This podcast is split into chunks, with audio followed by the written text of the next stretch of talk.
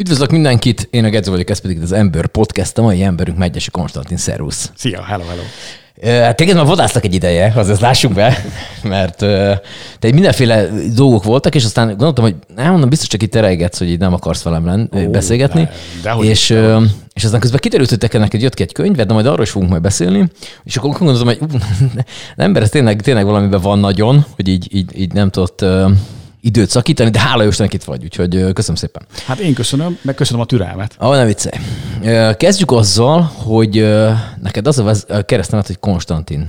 Így van. Így Ezt uh, már, már ebben az évadban volt egy, egy Mário, aki szintén ilyen korosztályunk beli, és hogy Konstantin az nem egy ilyen megszokott név, azért maradjunk annyiba. Én egyetlen egy Konstantinnal találkoztam eddig az életemben, magamon kívül. Igen. Egy, hát egy jó tíz évvel ezelőtt volt, egy egy pékségben odajött hozzám egy asszony, és azt mondta, hogy szeretne bemutatni nekem egy kisfiút. Akkor azért megijedtem. Akkor megijedtem. Megijedtem, hogy ebből mi lesz. Kisfiú. Egy gyerek. Hú, egy, biztos az enyém. Egy olyan öt éves forma gyerek, hát mondom. Ez, Á, nem, öt éves nem, ez, akkor nem az enyém. és akkor, hát, hogy szeretném bemutatni Konstantint. Hogy ő engem egyébként ismer, a Rádió 88-ból a hangom, meg, meg, a, meg a sajtóból ismer, tehát tudja, hogy én ki vagyok, és hogy a, az ő fiát is Konstantinnak hívják, az apuka egyébként görög, akkor megnyugodtam, akkor megnyugodtam. Igen. És akkor ez volt a nagy találkozás a, a fiatal öt éves Konstantinnal, de más Konstantinnal még nem találkoztam. És akkor, mert hogy neked vannak görög felmenőid, vagy ez, hogy... A kisfiúnak az apja görög, Aha. az én apám nem, nem görög, tehát teljesen magyar emberről van szó, de apám idézőben a bűnös a, a névadással uh-huh. kapcsolatban. Van egy sztori, elmeséljem? Persze, hát ne hülyeskedj, hát azért jöttél. Apámat Megyesi Lászlónak hívják, ők egyébként Maroslelén éltek akkoriban, amikor megismerkedtek, meg egy ideig még azt követően is, hogy én megszülettem, tehát Maros Lelei emberekről van szó. Uh-huh. Tehát azért Maros Lelén 1975-ben azért végképp nem volt jellemző a Konstantin név. Egyszerű hétköznapi polgárok voltak a szüleim. Édesanyámnak viszont hamarabb kórházba kellett vonulni, mert veszélyeztetett terhes uh-huh. volt.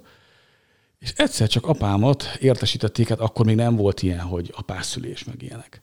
És értesítették, hogy megszületett a gyerek, Lacika, hogy apámat Megyesi Lászlónak hívják, úgyhogy megszületett a gyerek, ifjabbik Megyesi László. Hát apám nagyon örült, ment be, jött be a Szegedi klinikára, virágcsokorral, boldog apukaként, jött fölfel a lépcsőn, és meglátta anyámat nagy hassal a lépcső tetején.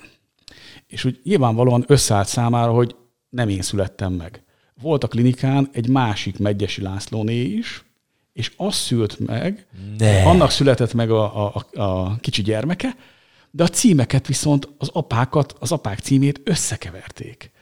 Tehát a Megyesi László nevet össze lehetett keverni, és apám abban a pillanatban eldöntötte, hogy olyan nevet ad a gyereknek, hogy többet ezt a nevet nem fogják összetéveszteni. Ebben egyébként részben tévedett, de hát minden esetre meghozta ezt a döntést, a Benjamin név játszott még, meg a Konstantin, szerintem jó döntés hozott. Tehát a De azt lehet tudni, hogy ezeket így honnan? Tehát, hogy ő, neki volt valami irodalmi, mint tudom, olvasott valamit, és onnan, onnan jött valami inspiráció, vagy ez csak így... Elővette a, a könyvet. Aha. Utónév szótár, ah, aminek a neve, abszolút. fölcsapta, és Abszolút, elkezdte nézni, és hát úgy döntött, hogy hogy a, a, a Benyámin név is valószínűleg akkor nagyon ritka volt, uh-huh. de a Konstantin az végkép. Végképp ritka, úgyhogy a ritkaság alapján döntött, akkor azért még azzal nem volt szerintem tisztában, hogy szerencsétlen gyerek, amikor utána mi beköltöztünk Makóra, de hát azért Makón is, azért Makón a 70-es években óvodásnak lenni, a 80-as években Makón Konstantin névvel létezni, azért az nem volt. Nem volt Aha. egyszerű. De úgy viseltem, de tény, hogy... De volt ebből valami, mit tudom én, óvodába, iskolába valami ilyen csesztetés a többiek részéről, vagy, vagy ezt ilyen tök elfogadták rögtön? Volt, de egyébként nem, a sok Sándor és nem volt durva. Ferenc között. Tehát nem volt olyan, hogy komolyabb sérelmem lett volna. Tehát ilyen emlékképem nincs, viszont nem szerettem a nevem. Tehát az egy gyerekkori élményem, hogy mindig számoltam, hogy mikor leszek 18 éves. Ez valószínűleg szegény apámnak, meg anyámnak nem annyira tetszett, amikor úgy érdeklődtem, hogy hogyan lehet nevet változtatni. Tehát ez kicsi, kicsi gyerekkoromban ezzel a kérdéssel zaklattam őket. Az a sejtésem, hogy ez nem eshetett nekik jól, de minden esetre kiszámolt, utána megtudtam az információt, hogy 18 éves koromban nevet lehet változtatni, kiszámoltam, hogy ez mikor lesz, és úgy voltam vele, hogy ahogy betöltöm a 18-at, másnap megyek, megyek a hatóságokhoz, és nevet akarok változtatni. De utána a későbbiekben viszont Há, Itt álljunk meg egy, egy, egy off-topikra. Neked már meg volt, hogy téged hogy fognak hívni, hogyha nem Konstantin leszel? Tehát annyira már előre voltál, hogy oké, okay, 18-at betöltöm, megyek nevet változtat, és akkor mi lesz belőled? Nem, ezt még nem találtam ki, de akkor annyira utáltam a Konstantin nevet gyerekként, hogy úgy mondtam, hogy bármi, bármi, bármi lehet, bármi, csak ne a Konstantin. De a későbbiekben például azt figyeltem meg, hogy a, a csajoknak tetszik. Tehát uh-huh, uh-huh. úgy fölfigyelnek rá, és hát nem voltam egyébként egy különösebben egyedi gyerek, tehát Úgyhogy úgy voltam hogy legalább van egy tényező, ami alapján föl tudnak rám figyelni, uh-huh.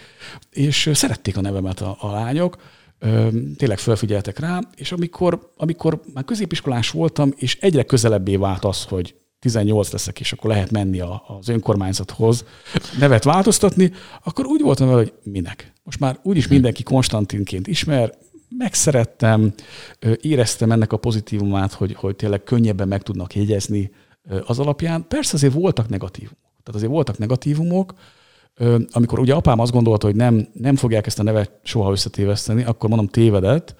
A német tanárnőm egy idős, jóra való, igazi pedagógus volt. Egyszerűen megmondta, hogy pedig német tanár, az azt jelenti, hogy a német nyelvet megtanulta, az pedig nem semmi. Tehát, az igaz. Aki a német nyelvet tudja, azért az valamit tud, de, de az én nevemet, hogy Konstantin, ezt nem tudta meg, nem tudta megtanulni, úgyhogy meg is mondta, hogy ne haragudjak, Ágostonnak fog nevezni. úgyhogy tehát az az igazság, hogy ha, ha valaki, valaki a közelemben mondja azt, hogy Ágoston, én hallgatok rá. Én hallgatok rá.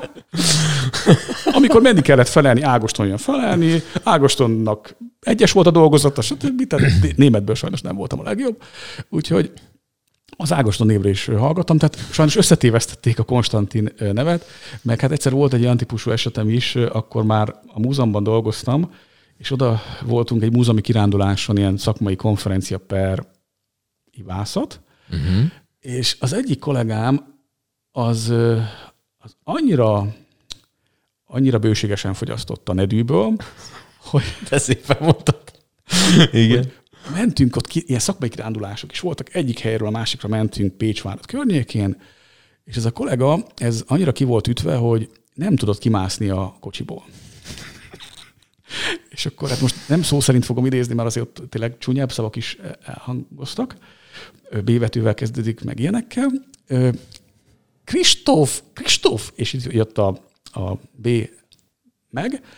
Gyere, B, meg segíts már, nem tudok, Kristóf, gyere, segíts már, nem tudok kimászni a És te voltál Kristóf? Én voltam Kristóf. Tehát ezért mondom, hogy apámnak ebben nem volt teljesen igaza, mert lettem én Ágoston is, meg Kristóf is. Aha.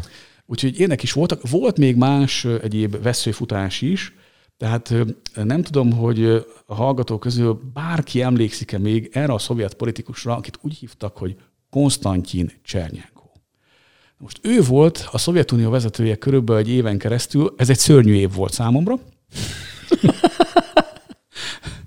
Gorbacsov előtt volt ö, ö, szovjet pártfőtitkár, és ugye mindig a hírekbe lehetett hallani azt, hogy Konstantin Csernyenko ezt csinálta, meg azt csinálta, meg kitüntetést adott át. Alig élt már az öreg egyébként. Tehát soha nem kívánom emberek halálát, de amikor meghalt szegény Konstantin Csernyenko valahogy 80 év körül, akkor én nagyon megnyugodtam. Tehát a, a világon kevés ember örült annyira Gorbacsov hatalomra jutásának, mint én, a tíz éves gyerek, mert tehát az, amikor 84 és 85 között Konstantin Csernyenko sokat szerepelt a hírekbe, akkor én folyamatosan Konstantin voltam. Na, én azt nagyon utáltam. Tehát azzal már megbarátkoztam, hogy én vagyok a Konstantin. Az oké. Okay. De a Konstantin, azzal nem tudtam. Azzal nem mm. tudtam mit kezdeni. És hát akkor mindenki konstantinozott. Szerencsére, ahogy jött Gorbacsov, akkor egyrészt elhozta a perestroikát, másrészt számomra meg így a megváltást, hogy, hogy nem, nem, nem Konstantinnak szólítottak. Jött még egy ilyen típusú veszélyfutás a számomra, szintén a politika hozta. Románia elnökévé választották Emil Konstantinescu-t. Egy nagyon jó politikus volt egyébként. Onnantól kezdve meg mindenki elkezdett Konstantinescuzni. És onnantól kezdve jött az, hogy te román vagy. Ter- természetesen kedveljük a román népet, tehát itt most semmiféle ilyen típusú dolgot én nem szeretnék vázolni, de azért az egy kicsit fölbosszantott. Uh-huh. Hangsúlyozom, egy nagyon európér, szimpatikus politikus volt uh-huh. Konstantinescu, de szerencsére megbukott négy év múlva, és onnantól kezdve tényleg elfelejtették ezt a te román vagy, tehát ilyen értem még szalonképesebb ez a Konstantinnak, biztos görög, görög háttere uh-huh. van, mert azért a görög nép azért az egy ilyen trendi trendi nép, tehát azzal még így jobban tudok azonosulni. És jött még utána egy váratlan fejlemény, amikor azt hittem, hogy most már felnőttem, most már minden, most már minden rendben van a név szempontjából, most már úgyse tudok nevet változtatni, most már nem, nem szabad. Ugye Megyesi Konstantin vagyok, tehát a Megyesi név. Az újabb sorscsapás az 2002-ben következett be, amikor Megyesi Pétert miniszterelnöknek választották. Most ez nem politikai szempontból nézem, hanem a nevem. Az én nevemet egyébként egyessel írják és sima ível. Onnantól kezdve szisztematikusan mindenki elkezdte a nevemet kettőessel és Y-nal, mert a hírekben azt látták, hogy Megyesi Péter úgy írja a nevét. Nyilván rokon vagy, hát Persze, egyértelmű. természetesen. Hát persze. Akkor azért könnyebben el tudtam dolgokat intézni. Úgyhogy ennek azért még mind a mai napig van ilyen típusú következménye, tehát most is, múlt héten is még elírták úgy a nevem, hogy 2SY. De hát ez egy ilyen kisebb, kisebb probléma. Akkor nehezebb, amikor esetleg hatóságilag uh-huh. történik ilyen, akkor menni kell, és akkor ügyintézésre van szükség. Úgyhogy a nevemmel kapcsolatban ez, tehát apám egy egészen egyedülálló, egyedülálló nevet akart választani. Valamennyire bejött, sikerült. Bejött, Igen, bejött neki. be. Most már szeretem egyébként. Tehát most úgy vagyok vele, hogy 47-48 évet megéltem Konstantinként, most már, ennyi hátra van, most már legyen így Konstantin. Na még ennyi, és akkor az már, hogy azért meg vagy, nem? Egy 96-ban azért ki, ki, kibékülni. Nem kell annyi. Oké, okay, neked vannak gyermekeid. Ott hogy áll a névválasztás? Nem akarom erre kihegyezni az egész podcastot, csak hogy... az a helyzet, hogy tehát ugye a, azt szokták mondani, hogy akasztott ember házában nem beszélünk kötélről. Uh-huh. Tehát nálunk nem szokás az, hogy más családnak a, a hülye névadási szokását bíráljuk, mert egyből ott van az, hogy ho, ho, ho, azért ott a Konstantin név.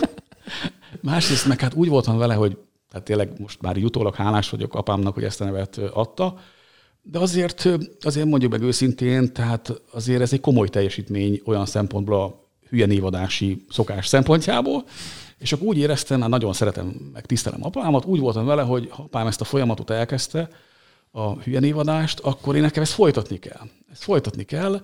Ö, és ö, hát szerintem nagyon jó nevet adtunk a gyerekeinknek. Ö, a legnagyobb gyereknek az a neve, hogy Döme. Uh-huh. És hát azért jó, most hagyjuk De döme a... az így, hogy döme, ennyi? Ennyi. Tehát nem ennyi. dömötör, sem, döme. Döme, döme, uh-huh. és ez tényleg nem jellemző, tényleg nem jellemző, hogy, hogy döme, dö, dömék rohangálnának a, az utcán.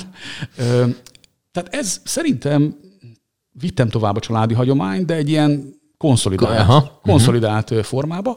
Utána úgy éreztem azt, hogy méltóbbnak kell lenni ehhez a hülye névadási szokáshoz, amikor vártuk a, a, a második gyereket, akkor a fejembe vettem, hogy legyen a neve az, hogy Hannibal. Ugye én történész vagyok, és egyébként egészen elképesztően ö, érdekesnek tartom Hannibal hadvezérnek uh-huh. a mhm. karakterét. Most nem akarok itt átmenni töri órába, de azért izgalmas, mert Hannibal ugye a pont seregek élén lényegében legyőzte a római seregeket, és megállt Róma kapuinál legyőzhette volna a rómaiakat, bevonulhatott volna, megsemmisítette volna Rómát, nem, megállt a kapunál, egy csomó időt ott tökölt, és, és közben a rómaiak erőt gyűjtettek, és utána nyilván elveszítették a punok a, a háborút, de ez valami fantasztikus történelmi jelenség, hogy, hogy legyőz mindenkit, és megáll a kapunál. Tehát tényleg az egész világ a lába előtt hevert Hannibálnak, és mégse aratta le a gyümölcsöt. Szerintem ez a, ez a történelem egyik legérdekesebb kérdése. Tehát Hannibál, mint hadvezér, az engem rendkívül érdekelt, és akkor kitaláltam azt, hogy a gyereknek legyen az a neve, hogy Hannibál. Hogy Hannibál, és én ezt így tervezgettem, utána is jártam. Tehát utána jártam, hogy ezt hogy lehet, mint lehet. Nem lett volna egyszerű. Nem lett volna egyszerű, de hát ugye amikor Esmeraldát, meg ilyeneket, meg Izaurát lehet, akkor úgy volt volna, hogy hát most azért Hannibál, akkor csak, csak belefér, csak uh-huh. belefér. Ö, Bocsánat, a, a gyerek a bárányok hallgatnak előtt vagy után született? Ez lesz a kulcs. Ez lesz a kulcs, ugyanis én ezt a filmet nem ismertem. Nem, uh-huh. nem ismertem. Ugye a, a, a fiam 2002-es, Aha, a második fiam 2002 meg volt a film, de én nem ismertem akkor még a filmet. A a családon belül azért volt egyfajta nyomásgyakorlás, hogy ezt a Hannibal nevet azért felejtsem már el. Tehát konkrétan anyósom az jelezte, hogy nem fog vigyázni a gyerekre. Meg más egyéb ilyen típusú jelenségek is elhangoztak. De én azért kitartottam. Kitartottam, mert úgy voltam vele, hogy hát azért Hannibal, mint hadvezér, mint történelmi kategória, az ezt megérdemli hanem utána egy nagyon kedves ismerősöm figyelmeztetett, hogy azért tudjak már arról, hogy az emberek fejében most a Hannibal az nem, nem a hadvezér, hanem a, a filmből a tömeggyilkos. Uh-huh. És akkor visszaléptem. Akkor visszaléptem, de azért a lelkismertem megnyugtatása érdekében csanádnak neveztük el a gyereket, de azért, hogy nyugodt legyen a lelkismertem, egy pár hónapos koráig én azért Hannibalnak neveztem. Óriási, szóval ő, ő család lett. Igen, ő család lett, és a, a, a kislányom, a harmadik gyerek pedig zsejke, tehát azt gondolom, hogy azért ott is van egy, egy kis feeling, hmm. ilyen szempontból, hogy nem teljesen ö, egyedi. Ö, amikor megszületett zsejke, akkor kérdezte egy pap barátunk, hogy ö, mi a kislánynak a neve. És akkor mondtuk, hogy zsejke. És akkor nagyot nézett, és azt mondta, hogy nem baj. az szép, az szép. És, és, és neked hogy, tehát, hogy mikor kezd az ember történész lenni? Ez már elkezdődik egy általános iskolába, hogy jobban érdekli a történelem, és akkor onnantól van egy folyamat, vagy mikor, mikor volt az nálad, hogy így azt mondod, hogy na, én valami ilyesmi? Ez már kiskorban, középiskola, általános iskola, hova lehet ezt tenni?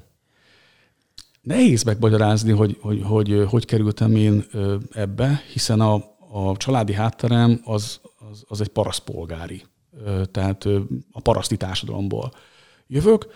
Apám sokáig kétkezi munkásként dolgozott, dolgozott hegesztőként, de utána is a későbbiekben is műszaki, műszaki szakember volt, csak akkor már így koordinálta a, a munkát.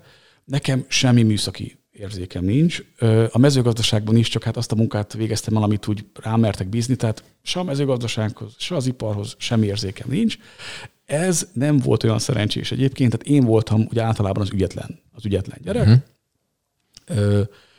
Az, hogy elkezdtem érdeklődni a történelmi iránt, az egy, az egy viszont egy nagy ajándéka az élettől. Nem tudom pontosan beazonosítani, hogy, hogy hol indult el ez a folyamat, de arra emlékszem, hogy még, még zajlott, vagy még, még, még kommunista diktatúra volt, amikor apám ilyen féllegális könyveket hozott nekem Budapestről föl kellett járni a különböző szervezési okok miatt Pestre, és akkor már a, a metró aluljáróba lehetett kapni ilyen, ilyen szami, fél szamizdat jellegű kiadványokat 88-ban, akkor én 13 éves voltam, és én ezeket elkezdtem falni.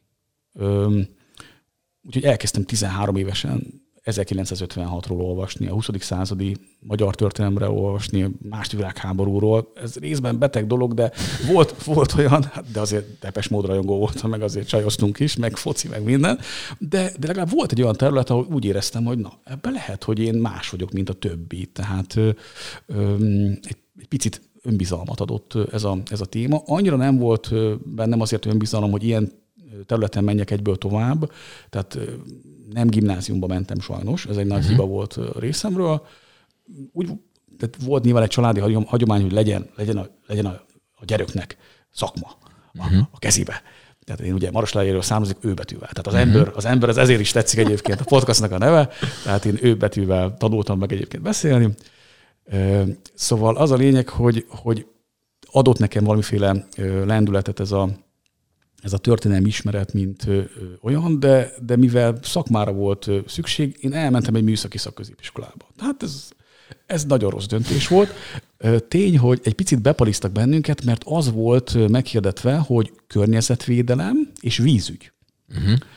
És akkor úgy voltam vele, hogy víz, hogy hát az ugye elég rosszul hangzik, de ez a környezetvédelem ez nagyon menő. Ugye 89-ben kellett dönteni arról, hogy én hova megyek középiskolába, és akkor nagyon, ugye a bős nagymarosi erőmű, meg a, a, a zöld gondolat, a környezetvédelem, az már akkor előjött, és azt éreztem, hogy ez, ez, ez, ez jó hangzik, ez jó hangzik. Akkor ijedtem meg, amikor mentem apámmal beiratkozni az iskolába. És hát én ugye fölkészítettem arra, hogy most akkor én leszek majd a zöld, nagyon divatos zöld fiú, és majd tanulom a környezetvédelmet. Azt nem tudtam, hogy mit jelent a környezetvédelem így tanulás szempontjából, de az úgy nagyon jó hangzik.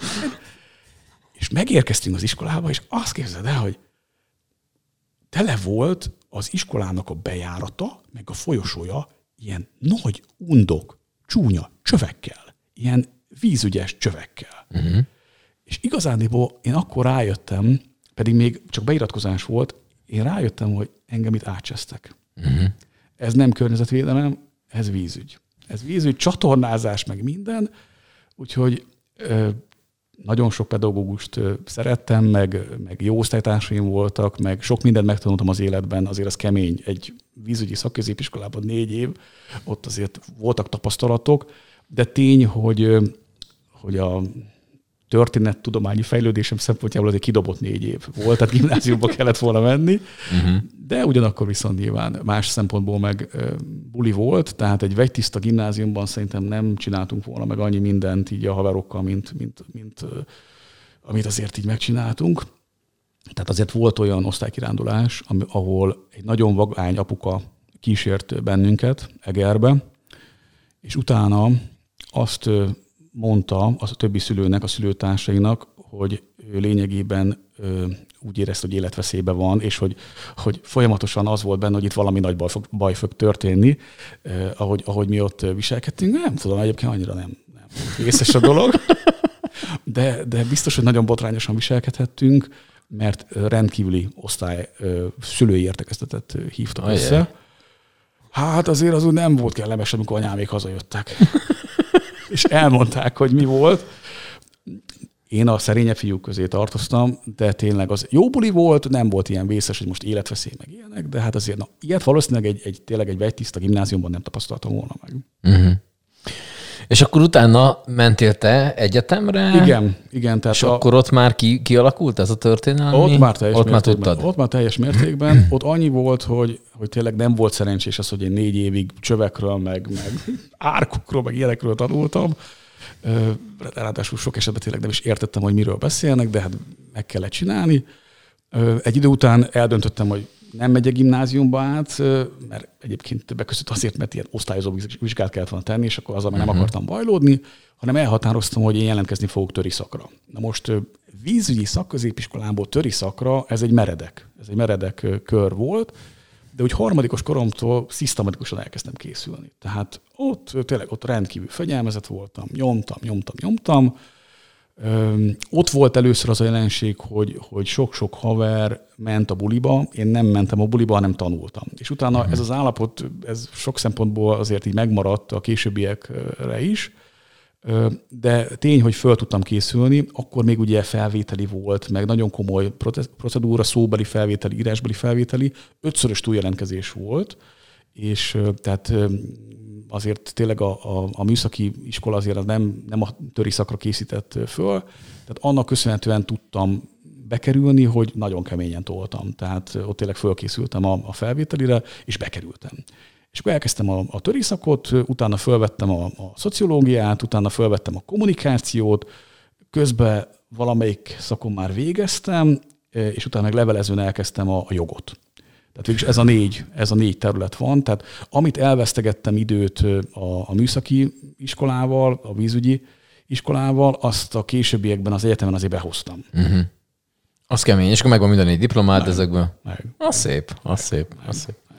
És akkor ezek közül történelem az, ami téged leginkább Illik olyat kérdezni, hogy melyik a kedvenc ilyen történelmi? Vagy hogy az nem, egész? Persze. Vagy ez nem, hogy van ilyenkor? Nem, a 20. század. Tehát Hannibált azt továbbra is szeretem, uh-huh. pedig ő ókor, de utána azért az ókorral megromlott a viszonyom, tehát megharagudtam az ókorra, mert kirúgtak ókorszigorlaton, tehát azért aki volt öriszakos, az tudja, hogy egy ókorszigorlat az, az nagyon kemény, és hát akkor azért megint volt egy, bekerültem az egyetemre, akkor volt egy linkebb korszak megint, és nem, nem készültem föl kellőképpen az ókorszigorlatra, ki is dobtak, utána még mindig linkeskedtem, akkor megint kidobtak, és utána pedig úgy tudtam átmenni a, a, az ókorszigorlaton, hogy már ilyen, ilyen pót-pót lehetőségekkel. Tehát már fölmerült annak a lehetősége, hogy két évre ilyen szakletiltás van.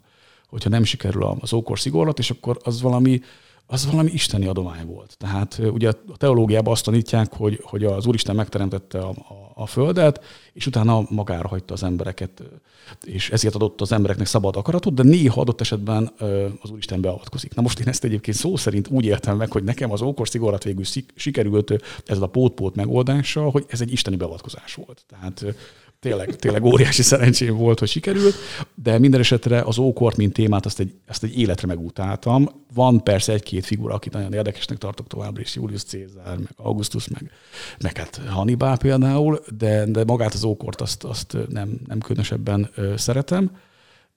20. százados történész vagyok, főleg 1945 után, 40 utáni néhány év, az úgynevezett koalíciós évek időszak, ami azért izgalmas, mert szegény magyar nép azt hitte, hogy itt demokrácia lesz 1945 után, ebben bíztak, de hát itt voltak a szovjet csapatok. A szovjet csapatok egy darabig ugye engedték, hogy a magyarok most itt demokráciát játszanak, de, de 1948 környékén pedig nyilvánvalóvá tették, hogy sztálinista, kommunista diktatúra jön, tehát én ezt a három-négy évet is nagyon izgalmasnak tartom, hogy milyen demokrácia kísérlet volt ez. A doktori diszertációmat is ebből írtam egyébként a, a koalíciós éveknek a, a demokrácia értelmezéséből, de foglalkozom 56 a forradalom történetével is, és hát ugye a, a legfrissebb az, hogy én elkezdtem egy komolyabb kutatást három-négy évvel ezelőtt a 80-as évekről, különös tekintette Grósz Károly pártfőtitkára, meg Kádár Jánosra, tehát ami már majdnem jelenkor, uh-huh. ugye 1990 ilyen szempontból a, a határ, határvonal. És akkor ezt úgy képzelje el egy hajlandó ember, hogy te így jársz ilyen könyvtárakba, irattárakba, leülsz, átnézed, elolvasod olyan papírokat, amit egyébként senki más az életbe eszébe nem jutna. Ez így, ez így zajlik? Pont így, pont így, de ennél, ennél, ennél sokkal izgalmasabb, de egyébként így, így hangzik. Mert olyan, olyan iratokat lehet kézbe venni, amik mesések, egészen döbbenetesek, hogy, hogy ez ott lehet a kezemben. Tehát például volt, csak egy példa, volt, vagy kettő példa, szóval az első példa az arról szól, hogy a kezemben volt egy olyan állambiztonsági irat, a Magyar Kommunista Titkosszolgálat kémkedett az NSZK-ban, tehát a Német Szövetségi Köztársaságban, és a kutatásom kapcsán perem témaként ez az irat is a kezembe került. És azt képzeld el, ez 1988-ban keletkezett az irat, erről a bizonyos titkosszolgálati játszmáról, ami hát arról szólt, hogy a, a kommunista titkosszolgálatnak vannak NSK-s beépített ügynökei, és ezt az iratot egyébként titkosították 2063-ig. Tehát 1988-ban szigorúan bizalmas iratként kezelték, a korabeli hatósági szabályozóknak megfelelően 2063-ig kellett volna titkosnak lenni ennek a dokumentumnak. Jött a rendszerváltozás, akkor még mindig meghagyták titkos dokumentumnak, és egy pár évvel ezelőtt viszont feloldották a, a titkosságát. Tehát szerintem az első között voltam, aki ez, ezt az iratot például a kezébe vehette, de hogy belegondoltam, hogy 2063-ban lehetett volna ezt csak kézbe venni. Uh-huh. A másik az, hogy ö, családi érintettség van a feleségem oldalán, ö, a Ceausescu diktatúra kapcsán, ö, a feleségem székely lány, és nekik menekülniük kellett Ceausescu Romániájából, tehát a zöld határon szöktek át anyósommal, ami azért kemény, hiszen ugye arról szóltak akkoriban a hírek, hogy lőttek. Lőttek a határon, és azért a feleségem tizenéves lányként, tizenéves kamaszlányként kellett, hogy átszökjön a, a határon, azért ez egy nagyon-nagyon kemény világ, és nekem most egy pár évvel ezelőtt volt lehetőségem arra, hogy megnézzem azokat a szintén szigorúan bizalmas titkos iratokat, amelyeket Grósz Károly miniszterelnöknek készítettek, arra vonatkozóan, hogy mi van a határon. Tehát, hogy mi zajlik. Tehát, hogy, uh-huh. hogy milyen állapotban van a magyar menekültügy, tehát a romániai magyarokat hogyan tudják fogadni, illetve a sortüzek témája, tehát a határon a, a lövések ugye az, az hogy áll mintál, és egészen dermesztő volt, hogy hogy a feleségem ezt átélte, ezt a jelenséget, én most pedig ott látok egy dokumentumot, amely arról szólt, hogy ügyészségi vizsgálatok voltak, kórházi vizsgálatok voltak, e téma kapcsán, hogy, hogy lőttek vagy nem lőttek. Nyilván ez egy nagyon, ennek egy nagyon komoly legendáriuma is van, hogy a határon lőttek vagy nem. Tehát ugye például a, a, a Viszkis filmben is ugye ez az elem megvan, hogy ugye Ambrus Attila katona is ugye látja ezt az egész jelenséget, hogy, uh-huh. hogy lőnek a határon. Tehát ennek van egy, egy komoly legendáriuma, nekem pedig volt lehetőségem arra, hogy, hogy egy eredeti dokumentumot olvashatok, és a kezembe tartatom, ami e-, erről szól. Tehát ezek nagyon érdekesek. Meg az életem azért arról szól, hogy rohangálni kell ide-oda, amoda, különböző szervezési teendők vannak, amikor levéltárban vagyok, és ezeket a régi iratokat nézhetem, akkor kizárom a világot. És, és akkor, akkor a 80-as években élek, vagy a 40-es években élek, tehát éppen ami, amilyen történeti korszakot kutatok, arra tudok fókuszálni. És, és teljes mértékben azt a fajta időszakot, meg világot próbálom megérteni, értelmezni. Tehát akkor kicsukom 2023-at, és, és csak mondjuk 1982 számít, vagy 1946 számít, és ez úgy szerintem lelkileg is jó, hogy ebből a napjaink világából egy picit ki lehet szakadni. De ezt te könnyen, könnyen rá tudsz erre állni? Tehát az, hogy bemész, és azt mondod, hogy jó, akkor most akkor nincs telefon lenni, mit, mit tudom én, és akkor csak az van. Igen. Ez könnyen megy? Ez nagyon könnyen megy, ezt imádom. Tehát olyan jó érzés az, hogy tudom, hogy nem tudnak elérni, hogy, hogy na most nem tudnak berángatni semmilyen helyzetbe. Az kicsit kellemetlenebb, amikor visszakapcsolom a telefont, és akkor jönnek az üzenetek, és akkor 63 dolgot kell intézni, uh-huh. mert nyilvánvaló, hogy az élet sajnos nem annyira kegyes, hogy akkor az élet megbocsájtaná ezt, hogy akkor én most levéltári kutatásokat folytatok, hanem, hanem ahogy szépen és jól kikutattam magam, akkor rám ömlik minden, tehát akkor fizetnem kell a kamatokat az életnek. Uh-huh. És akkor most meg is jelent ez a könyv, és ez, ez pont az a Grósz Károlyos időszak, hogyha jól tudom. Ez neked az első könyved? Nem, több, több könyvem is volt már, de talán ez a legfontosabb, vagy ez a, ez a leg, legerősebb. Az Open Books kiadó adta ki, amelyik hát az ország egyik legnagyobb kiadója. Tehát ilyen szempontból első számú kötetemnek mondható, de voltak már könyveim, tehát például publikálások került a doktori diszertáció is erről a bizonyos demokrácia vitáról, a 45 utáni esztendőkről, de az kisebb példányszámban, kisebb nyilvánosságot kapott.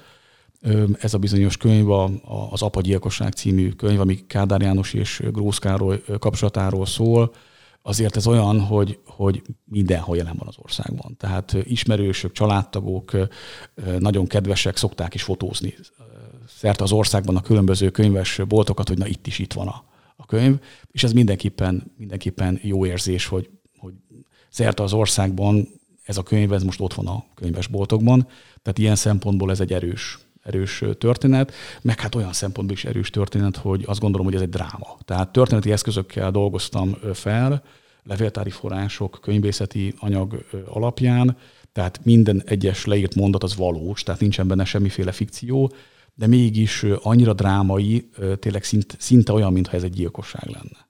Uh-huh. Ez egy, mint hogy egy politikai gyilkosság lenne.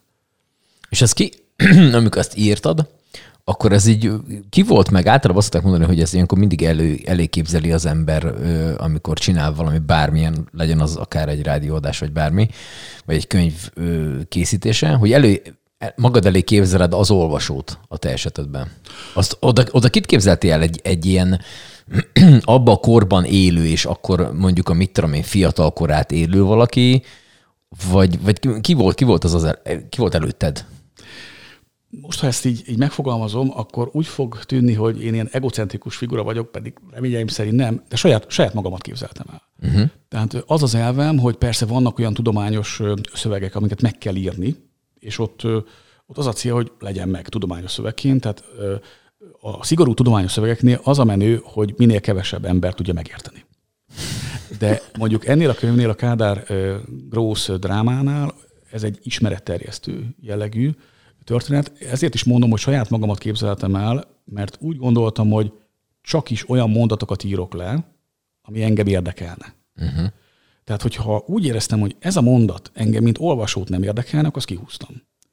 Ö, és hát azért, ha most ennyiben szabad arcoskodni, emberködni, hogy azért kapok is pozitív visszajelzéseket, negatívat is persze, de kapok pozitív visszajelzéseket, amelyek arról szólnak, hogy olvasmányos. Tehát nagyon, szerintem nagyon sok ismerős jelezte azt, hogy két nap alatt kiolvasták, mert annyira olvastatta magát, annyira izgalmasnak tartották. Igen, tudatosan így alkottam meg, hogy, hogy ne tudják letenni, éppen amiatt, hogy ez egy dráma. Ez egy uh-huh. dráma. Nem irodalmelméleti szempontból dráma, de a történet, mint olyan, az drámai hatású. Amikor két ember kapcsolatáról van szó. Persze nem volt apagyilkosság, de mégis ö, árulások, ö, politikai manipulációk, csalások, minden benne van ebben a történetben. És ez teljes száz százalékig? Tehát nincs benne semmilyen fikciós vonal? Semmi. Ez, ez, ez, ez mind, mind valós. Természetesen a történelmet nem lehet teljesen pontosan, precízen belőni, ezért van olyan, amikor egy-egy történeti esemény kapcsán tudatosan több álláspontot mutatok be, hogy mi történhetett. Mert az egyik politikai szereplő azt mondja, hogy A, a másik az, hogy B. És nem tudok igazságot tenni, hiszen nem voltam ott. Másrészt meg nincsenek levéltári források, ezért az a megoldás, hogy szerepeltetni kell a különböző szereplőknek a különböző nézőpontjait, és majd az olvasó eldönt, hogy kinek hisz. Tehát mondjuk például a Kádár utolsó beszéde kapcsán, ugye Kádár azért Magyarország vezetője volt 32-33 éven keresztül, és egy tekintélyes politikai szereplő volt, de élete végére összezuhant. Pszichésen, intellektuálisan, fizikailag. De mégis úgy érezte, hogy olyan bűnei vannak, hogy a nyilvánossággal meg kell osztani a gondolatait, és 1989. április 12-én bement a párt, a kommunista párt központi bizottsága lényegében a párt parlamentje elé, és ott tett egy ilyen vallomást, ahol lényegében megpróbálta megmagyarázni a nyilvánosságnak, a párt nyilvánosságának, de ezáltal mégis az ország nyilvánosságának, hogy mit miért csinált. De olyan, olyan intellektuális állapotban volt, olyan, olyan fiziológiai állapotban volt Kádár, hogy a fejében ott voltak a gondolatok, el akarta mondani, ugye ne felejtjük el azt, hogy Kádár János végeztette ki Nagy Imrét, aki ugye 1956 forradalmának volt a miniszterelnök, és Kádár János volt az, aki Nagy Imrét halába küldte. És ez a bűn, ez ott volt a lelkébe Kádárnak, és ezt ki akarta beszélni. De azért is drámai a dolog, mert nem tudta. A fejébe megvoltak a gondolatok, lényegében ez egy majd, hogy nem nyilvános bűnbánás, gyónás akart lenni, de a betegsége miatt már nem forgott úgy az agya, meg a nyelve, nem tudta elmondani. Lényegében a beszédben, aminek megvan a hanganyaga, nincs két értelmes mondat. Teljes, teljes zagyvaság az egész. És azok az emberek, akik ismerték a korábbi Kádárt, és tekintének tartották, azok, azok teljes mértékben megdöbbentek, hogy úristen, mi történik. Az apa, a apa, apa figuraként tekintettek a, a, a Kádára, és egyszer csak azt tapasztalták, hogy az apával ez történt. Vagy van egy ilyen publicisztikai nézőpont, ez most lényegben egy idézet, nem az én gondolatom, de az egyik elemző azt mondja, hogy ez olyan, mint amikor a szeretett nagyapánk, akik, akivel nagyon szerettünk együtt lenni, beteg lesz, és azt tapasztaljuk, hogy bepisil az ágyába. Uh-huh. Tehát ilyen szánalmas helyzetben került Kádár János, ezen a bizonyos utolsó beszéd alkalmával, és különböző álláspontok vannak, hogy mi volt ebben Grósz Károly szerepe. Van egy olyan nézőpont, ami arról szól, hogy Grósz ezt el akarta kerülni, és Kádárt megpróbálta távol tartani, mert meg akarta óvni Kádárt ettől a szégyentől. Van egy ilyen hozzáállás. Van egy olyan nézőpont is, ami arról szólt, hogy Grósz tudatosan terelte ebbe az irányba Kádárt, hogy, hogy úgymond leégesse magát a, a, a párt uh-huh. nyilvánossága előtt, hogy ezáltal Kádárnak a pozíciója az még visszábszoruljon. Különböző álláspontok vannak, nem tudjuk bizonyítani. Személyesen én egyébként azt gondolom, hogy nem erről van szó, hogy, hogy Grósz tudatosan akarta volna ilyen helyzetbe hozni Kádár Jánost, hanem Kádár ennyire akarta, hogy szerepeljen. Grósz egyébként néhány nappal korábban el akarta küldeni Lengyelországba egy gyógykezelésre Kádár. Tehát ebből is azt gondolom, hogy, hogy nem, nem Grósz volt ilyen szempontból a, a ludas. Ettől függetlenül ez megtörtént. Tehát Kádár egyszerűen becsörtetett a központi bizottság ülésére, és ott ezt a bizonyos utolsó beszédet elmondta. Azt gondolom történészként, hogy ez jó, hogy így történt. Nem azért, mert jó érzés hallgatni ezt a szánalmas embert, de azért azt nem szabad elfelejteni, hogy 56 után embereket akasztatott. Embereket küldött a halába. Kádár egy tömeggyilkos. És látjuk a tömeggyilkost gyónni, de már gyónni se tud. Tehát szánalmasá válik, és azt gondolom, hogy ez azért nagyon fontos, mert az egész magyar közvélemény, meg a magyar közgondolkodás azt rögzítheti, hogy lám-lám a diktátoroknak is van lelkismerete adott esetben a diktátoroknak is el kell számolniuk a, a tetteikkel. És ö, azt gondolom, hogy amikor Kádár ilyen szánalmas formában ott megjelent és beszélt, ö, abban a pillanatban győzött az 56-os forradalom. Ö, hiszen az 56-os forradalmat 1956. november 4-én Kádárék leverték. 1989. április 12-én, amikor szánalmasan, szánalmasan gagyogott Kádár János, és próbálta magát mentegetni, és próbált gyónni, na akkor győzött lelkileg a forradalom. És ezeket szerintem izgalmas így összeilleszteni. Hogyha, hogyha most azt mondják neked, hogy ebből a könyvből akarnak egy filmet csinálni, akkor de ismerve a mostani mai filmes viszonyokat, mondják, hogy azért ez oké, okay, ez tök jó ez a sztori, csak hogy még azért kéne ebbe beleírni, mellé rakni egy kicsi fikciót azért erre, arra, amarra, azt engednéd? Szerintem ebből film kell. Tehát Kádár és Grósz kapcsolata az olyan, hogy ezt meg kell filmesíteni. Lehet, hogy ezt most még nem lehet, de, de muszáj. Szerintem ezt föl kell dolgozni. Tehát önmagában ugye Kádár Jánosnak a karakterét föl kell dolgozni, Grósz pedig ilyen szempontból egy jó segédszereplő ebben a történetben, tehát ebből filmet kell csinálni. Most nem feltétlenül az én könyvem alapján, ha az én könyvem alapján, akkor az, az megtisztelő, meg szerintem alapvetően egy jó alapanyag, de hát azért azt tudjuk, hogy a film az fikció. Tehát ö, ö, személyesen egyébként én kifejezetten jó filmnek tartom a blokádot. Tudom, vannak barátaim, akik ezzel nem értenek egyet, de engem meghatott. Tehát én eleve én tiszteltem Antal Józsefet a miniszterelnökség alatt is. Szerintem a blokád egy jó film. Ö, jó a történet, jó az alapanyag, Nyilvánvaló, hogy egy filmbe nem lehet egy az egybe másolni a valóságot, mert film szempontjából az feldolgozhatatlan, ezért igenis kellenek bele fiktív elemek is. Ettől lesz film. Szerintem a blokádnál ezt intelligensen megoldották. Vannak olyan filmek is, ahol, ahol szerintem ezt nem, nem annyira intelligensen oldották meg. Tehát én azt gondolom, hogy, hogy egy olyan típusú film, mint ami Antal Józsefről meg a taxis blokádról készült a, a, a blokád által, szerintem az jó lenne a Kádár témában is. Uh-huh. Érdekes erről, majd szerintem majd külön-külön majd beszélgetünk erről a ö, filmes vonulatról. Az, hogy te ezekhez az iratokhoz hozzáférsz, ahhoz egy ilyen ö, bonyolult valami lepapírozás, telefonálgatás, engedélykérés, a többi, ez így működik egyébként? Az bonyolult, nagyon bonyolult. Meg kell tanulni a, a rendszerét. Amikor először mentem az egyik bizonyos levéltárban, nyilván most nem fogom megnevezni, akkor egyfolytában azt tapasztaltam, hogy hogy ott elhárítás zajlik. Tehát olyan administratív, bürokratikus akadályokat kell legyűrni, hogy hú, nagyon kemény. Tehát az, amikor az ember már megkapja az iratokat, az már tök jó. Meg utána persze, hogy ha, ha, ha, ha már az egész rendszert ismered, hogy hogyan kell, mind kell, akkor, akkor, akkor már ez működőképes, de az elején az ember úgy érzi, hogy hát ezt, ezt nem lehet megoldani. Tehát a, a levéltári munka kezdete az körülbelül olyan, mint amikor be, bemégy a kormányhivatalba, és egy rendkívül bonyolult ügyet el akarsz intézni. Uh-huh. Ö, és amikor ráadásul mondjuk olyan típusú ügyintézőkkel találkozol, aki, aki inkább az egészet tusolni akarja. Tehát nehéz, nehéz. Tehát uh-huh. ö, ö, ugyanakkor, ha mondom, megismered az egésznek az etoszát, tehát a levéltári világnak az etoszát, a működését, akkor azt is meg lehet tapasztalni, hogy hogyan működik könnyebben, és akkor az ember rájön arra, hogy igen, ők most itt lehet, hogy elhárításként működnek, de egyébként rendes emberek. Ha megtalálod a, a, a megfelelő szavakat, ha megtalálod a megfelelő gondolatokat, akkor működik. Rendes emberek, jó emberek, segítőkészek, de nekik is nyilván bizonyos szempontból a levéltári terület is egy, egy hierarchikus rendszer tehát katonaként viselkednek, de ha, ha átérzed az ő helyzetüket, és nem, nem erőből nyomod, akkor, akkor működni fog, és, és, és kinyílnak azok az ajtók, amiket egyébként erővel próbáltad dörömből, dörömből az ember, meg, meg rúdossa az ajtót, és akkor zárva marad. Ha utána szépen, csöndesen, lassan kivárja, akkor kinyílik magától.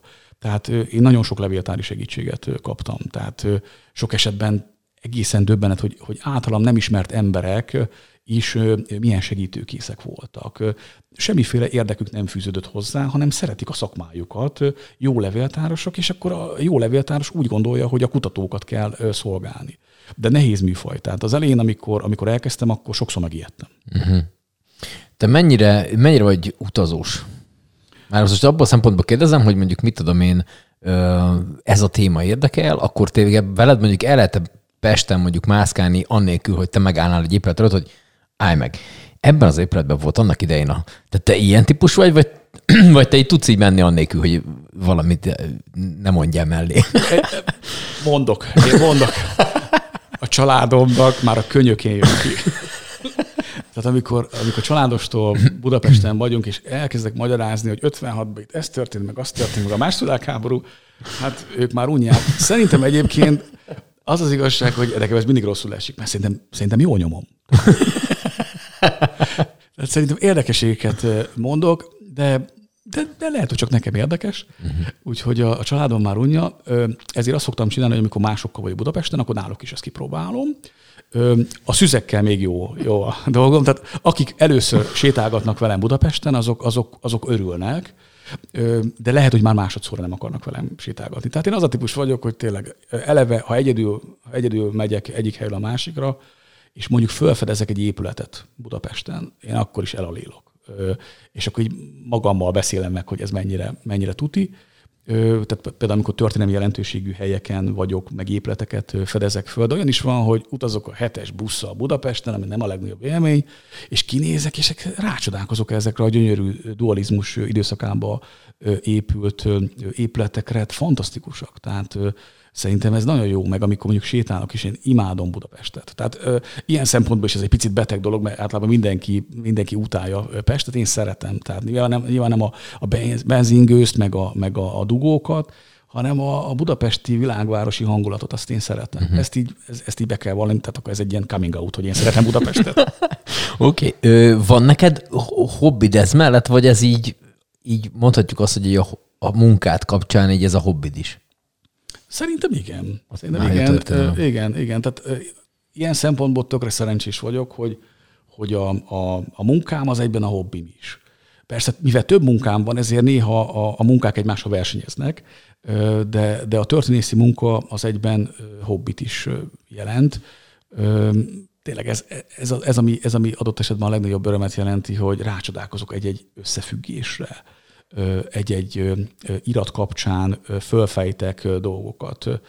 Most, hogy öregszek, egyébként elkezdtem széprodalmat is olvasni, tehát úgy éreztem, hogy ez kell a, a történészi írói stílusomnak a fejlesztéséhez, és egész jó. Tehát egyébként eltelt az életemben 48 év, hogy a, a széprodalmat eddig megúsztam, tehát csak amikor múzeumi szakemberként kellett széprodalommal foglalkozni, tehát úgy, ugye volt itt Gárdonyi kiállítás, Örkény kiállítás, Kosztolányi kiállítás, Karinti kiállítás, tehát akkor foglalkoztam szépirodalommal, de egyébként nem. Tehát ez, ez egy újabb, újabb uh-huh. ilyen, egy ilyen nyilvános vallomás, hogy, hogy nem foglalkoztam szépirodalommal. Most viszont az elmúlt időszakban azt tapasztalom, hogy egyébként az is jó. Az is jó. Tehát a szépirodalom is most egy picit már így bejött ilyen hobbi, hobbiként. Uh-huh. Ez, a, ez már a következő könyvednek az előfutára, hogy te így erre így ráálltál, hogy kis szép irodalom is, és hogy maga az író stílus az egy alakuljon? Tehát van már készülőben valami következő könyv? Van. van. Egyrészt, amit említettem, hogy, hogy a Kádár Grósz könyv az egy ismeretterjesztő, viszont Grósz Károlyról, mint miniszterelnökről, mint utolsó kommunista pártfőtitkáról írok egy úgynevezett monográfiát, ami egy kicsit szárazabb lesz, tele lábjegyzettel, de az egy ilyen tudományos feldolgozás lesz Grósz politikai életútjának ez most ilyen 90%-os készültségben van, tehát még kicsit kell rajta dolgozzak, de nyáron le kell adni a kéziratot, tehát nem csak abból is lesz egy, egy könyv. Meg a fejemben van már, már több elképzelés. Az egyik az Móra Ferencről szól. Ugye Móra Ferenc a, a múzeumunknak a, a névadója, remek író, újságíró, régész, múzeumigazgató. Ugyanakkor viszont sok esetben, amikor arról beszélek ismerősöknek, hogy Móra Ferenc, nem föltétlenül tartják annyira izgalmasnak, pedig mm. nagyon, nagyon izgalmas volt, tehát most csak egy elemet mondok. Móra 52 éves volt, amikor elment Balatonföldvárra, egy regényt kellett volna írnia. Szerződése volt egy regényírásra.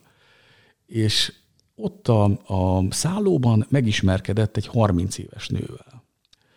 Azért ez, akárhogy számítjuk, ez, ez azért ez, ez egy több mint, har, több mint 20 éves, 22 éves korkülönbség, és ebből szerelem lett. Szerelem lett. Tehát nagyon sokáig egyébként a kutatók, az irodalomtörténészek, a Móra személyével foglalkozó kutatók, azok azt gondolták, hogy ez egy ilyen, ez egy ilyen jámbor, valami barátság, vagy, vagy maximum egy ilyen plátói szerelem.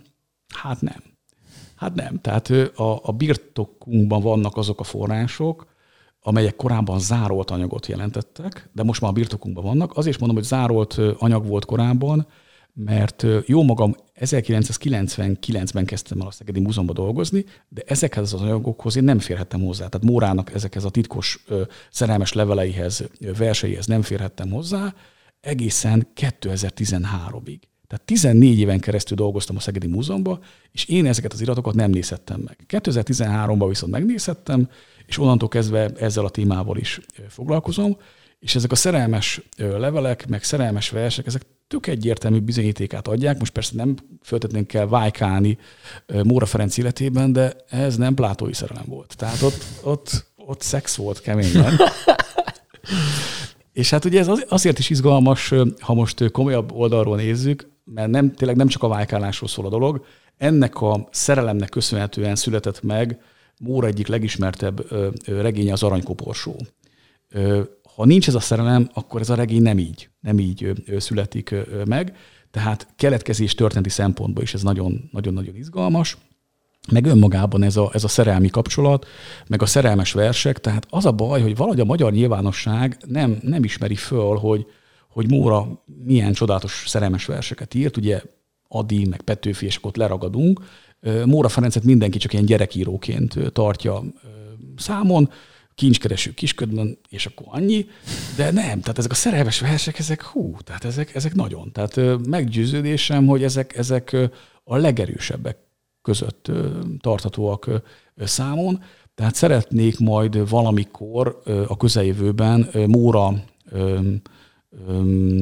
utolsó másfél évéről is írni egy könyvet, ugyanis van egy olyan megközelítés is, hogy Móra számára ez a, ez a szerelem, ez óriási élményt adott. Hát azért el tudom képzelni. 52 évesen egy 30 éves csaj, és ráadásul a csaj bomba volt. Tehát még, még a, ahogy most nézzük a fotókat, még akkor is lejön az, hogy Kalmár Ilonának hívtánk ezt a hölgyet, még az alapján is látszik, hogy hú, hú.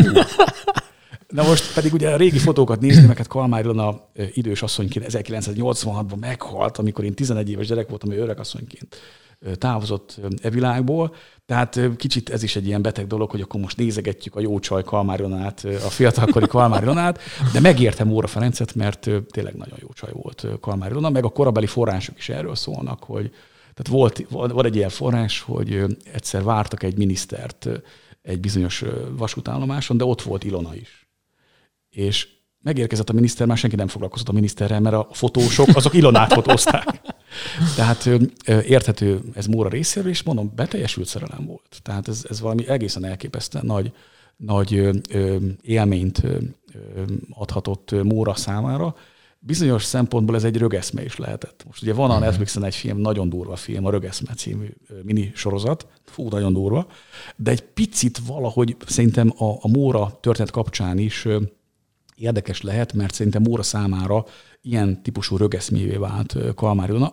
Viszonozta Kalmár Ilona ezt a szerelmet, de azt gondolom, hogy az is egy legitim nézőpont, amelyik azt állítja, hogy Móra Ferenc ebbe a szerelembe halt bele és ez meg azért megint csak egy újabb dráma, uh-huh. hogy van egy szerelem, ami óriási élményt ad, egészen elképesztő extázist jelent Móra Ferenc számára, de hát azért azt kell tudni, hogy közben a, az ő szerelme azért az hozzámegy a vőlegényhez. És, és hát ugye Móra ezt az egészet nyomon követi. Hogy, hogy az ő fiatal szerelme az egyébként menyasszony, utána pedig, pedig feleség lesz. És megvannak az iratok arról az időszakról, amikor, amikor Kalmár Ilonának van a nász éjszakája. Móra majd megőrül. Majd megőrül. Tehát ilyen szempontból is valós lehet ez, hogy ebbe hal bele. Nem tudja feldolgozni, hogy ővé a nő, de mégse. De mégse. Mégse tudja teljes mértékben birtokolni. Olyan szinten találkozgatnak, Móra rendszeresen följár Szegedről Budapestre, és a Béke Hotelbe, ami a nyugati pályaudvartól három perce vagy öt percre van, uh-huh Móra Ferencnek ott volt egy fenntartott szobája, és ott találkozgattak heti rendszerességgel Ilonával. Tehát azért az egy nagy élmény lehet. Tehát erre mondom azt, hogy extázis. Uh-huh. De a hét többi napján pedig Móra egyfolytában azon gondolkodott, meg azon marta magát, hogy ott van a férjével. Kalmár Ilona otthon van a férjével. Tehát egészen elképesztően el, furcsa pszichés helyzetek lehetnek, és hát Móra belehal ebbe, 1934-ben, Kalmár Ilona viszont hiába feleség, és bizonyos szempontból, ez most persze egy relatív ez a fogalom, hűséges feleség. Tehát kitart a férje mellett, de őrzi Mórának a szerelmes leveleit, a szerelmes verseket. Kalmár Ilona zsidó származású volt, és 1944-ben be kellett vonulni a gettóba. Két bőröndöt vihetett magával, és az egyik bőröndben ott vannak Móra Ferencnek a szerelmes versei, meg a szerelmes levelei. Megint csak a dráma. Nem tudjuk megmagyarázni, hogy Kalmár Ilona a gettóba miért vitte magával Móra Ferencnek a szerelmes leveleit és szerelmes verseit. Azért, mert abban bízott, hogy ezek a szerelmes levelek, ezek a szerelmes gondolatok, a tíz éve halott Mórának a szerelmes gondolatai, ezek ott a pokolban, tehát a holokauszt poklában neki, neki energiát adhatnak. Azt hiszem, hogy ez benne van. De az is benne lehetett, hogy tudta, hogy most itt minden felfordul, és hogyha az ő birtokában vannak, az ő közelében vannak ezek az iratok, akkor meg tudja menteni a jövő számára. És szerencsére megmentette.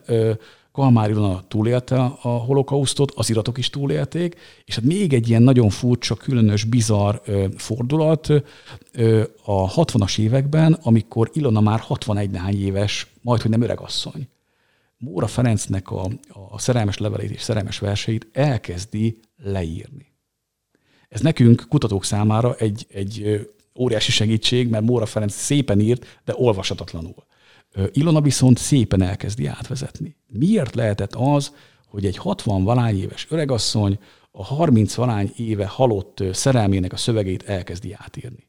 Emberleg megmagyaráztatlan, de azt gondolom, hogy ezeket az ilyen típusú pszichés puzzle darabokat össze kell egymás mellé tenni, és ebből lesz majd egy könyv valamikor. Óriási. Te hogy képzeled el magad, ha már itt a korról beszéltünk, mondjuk 80 évesen? Te még ugyanígy kutatgatsz, már mögötted van egy jó pár könyv, ülsz egy verandán ott a gyerekekkel, vagy, vagy mész valamerre, vagy már inkább nem is, nem is írogatsz, csak így csak olvasgatsz, akár szép irodalmat is, vagy hogy fog ez kinézni szerinted? Hát ez számomra elképzelhetetlen. nem, nem. Tehát szeretnék megöregedni, de hát fene se tudja, hogy mit hoz az élet. Tehát uh-huh. azért ez egy ajándék, hogyha valaki meg, megöregedhet. Öm, ha, ha lesz öregkorom, akkor is szeretnék olvasni, meg, meg kutatni, amennyire lehet. Nyilván egy idő után az embernek szembesülni kell vele, hogy, hogy már ez, ez, ez nem fog úgy menni, mint, mint korábban. Tehát szerintem minden korszaknak van egy olyan üzenete, hogy addig szabad csinálni, ameddig az ember azt még tudja. Tehát régebben fociztam, meg kézlabdáztam, hát most már, hogyha mondjuk beállnék focizni akár kispályás focira, hát ez már csak egy ilyen bohózat lenne. Tehát ezt el kell engedni, tehát ez már nem megy. Tehát kapusként is játszottam, tehát én az a típus voltam, aki elkaptam a labdákat. Amikor azt tapasztaltam, hogy bakker, most már nem kapom el a labdákat. Hiába én ilyen vetődős kapus voltam, kispályán is, tehát persze kívülre ez tökre mókás lehetett, bugráltam, mint a hülye, de, de ez működött. működött. Uh-huh. Tehát szerintem hát ez megint csak, ha más nem mondja, akkor legalább én magam mondjam ki. Tehát viszonylag jó kapus voltam, de egy idő után azt tapasztaltam, hogy nem megy. Tehát ugrabugrálok nevetséges módon, de már nem kapom el a labdát, akkor abba kell hagyni. Ah. Tehát minden korszaknak megvan az ilyen típusú üzenete. Ameddig lehet, addig olvasok, kutatok, írok, de, de biztos eljön majd egy olyan időszak, amikor, amikor az ember már érzi, hogy nem szabad tovább folytatni. Oké, okay. még körülbelül 4700-at tudnék kérdezni, de szerintem azt majd folytatjuk valamikor mindenképpen. Még egy utcsó kérdés, hogy ez mindenkinek ugyanaz. Szerinted mi az életértelme? Hú, erre nagyon komoly választ tudok csak adni. Na, legyen úgy. Hát szerintem én hiszek a, a túlvilági életben, tehát uh-huh. én vallásos ember vagyok, tehát én azt gondolom, hogy, hogy van halál utáni élet, tehát úgy kell élni, hogy amikor eljön ez a bizonyos ítélet, tehát az utolsó ítélet, akkor, akkor az ember a jó oldalra kerüljön. Van egy ilyen típusú megközelítés is, hogy itt a Földön a rendelkezésünkre áll szimbolikusan egy kancsó, vagy egy korsó. És ebbe a korsóba gyűjtjük a bort, vizet, ki mit szeret, tehát valami, valami kellemes nedű, uh-huh gyűjtünk ebbe a, a korsóba, gyűjtjük a jó cselekedettekkel, a kedvességgel, a pozitív hozzáállással, a nyitottsággal, a jó emberi mi voltal, ezeket gyűjtjük. Gyűjtjük, gyűjtjük, telik-telik a korsó, és az utolsó ítéletkor ezt a korsót odaadják, hogy el lehet fogyasztani. Aki, aki ilyen picit gyűjtött a korsóba, az annyit kap, aki ilyen sokat, az pedig azt elfogyaszthatja. Tehát nekem ez egy, ez egy szimbolik, szim, szimbolikus, meg szimpatikus gondolat. Azt gondolom, hogy ez az életértelme, hogy gyűjtsük ilyen szempontból a jó cselekedeteket. Uh-huh. Hát akkor gyűjtsük. Oké, okay, nagyon szépen köszönöm, hogy jöttél. Én köszönöm.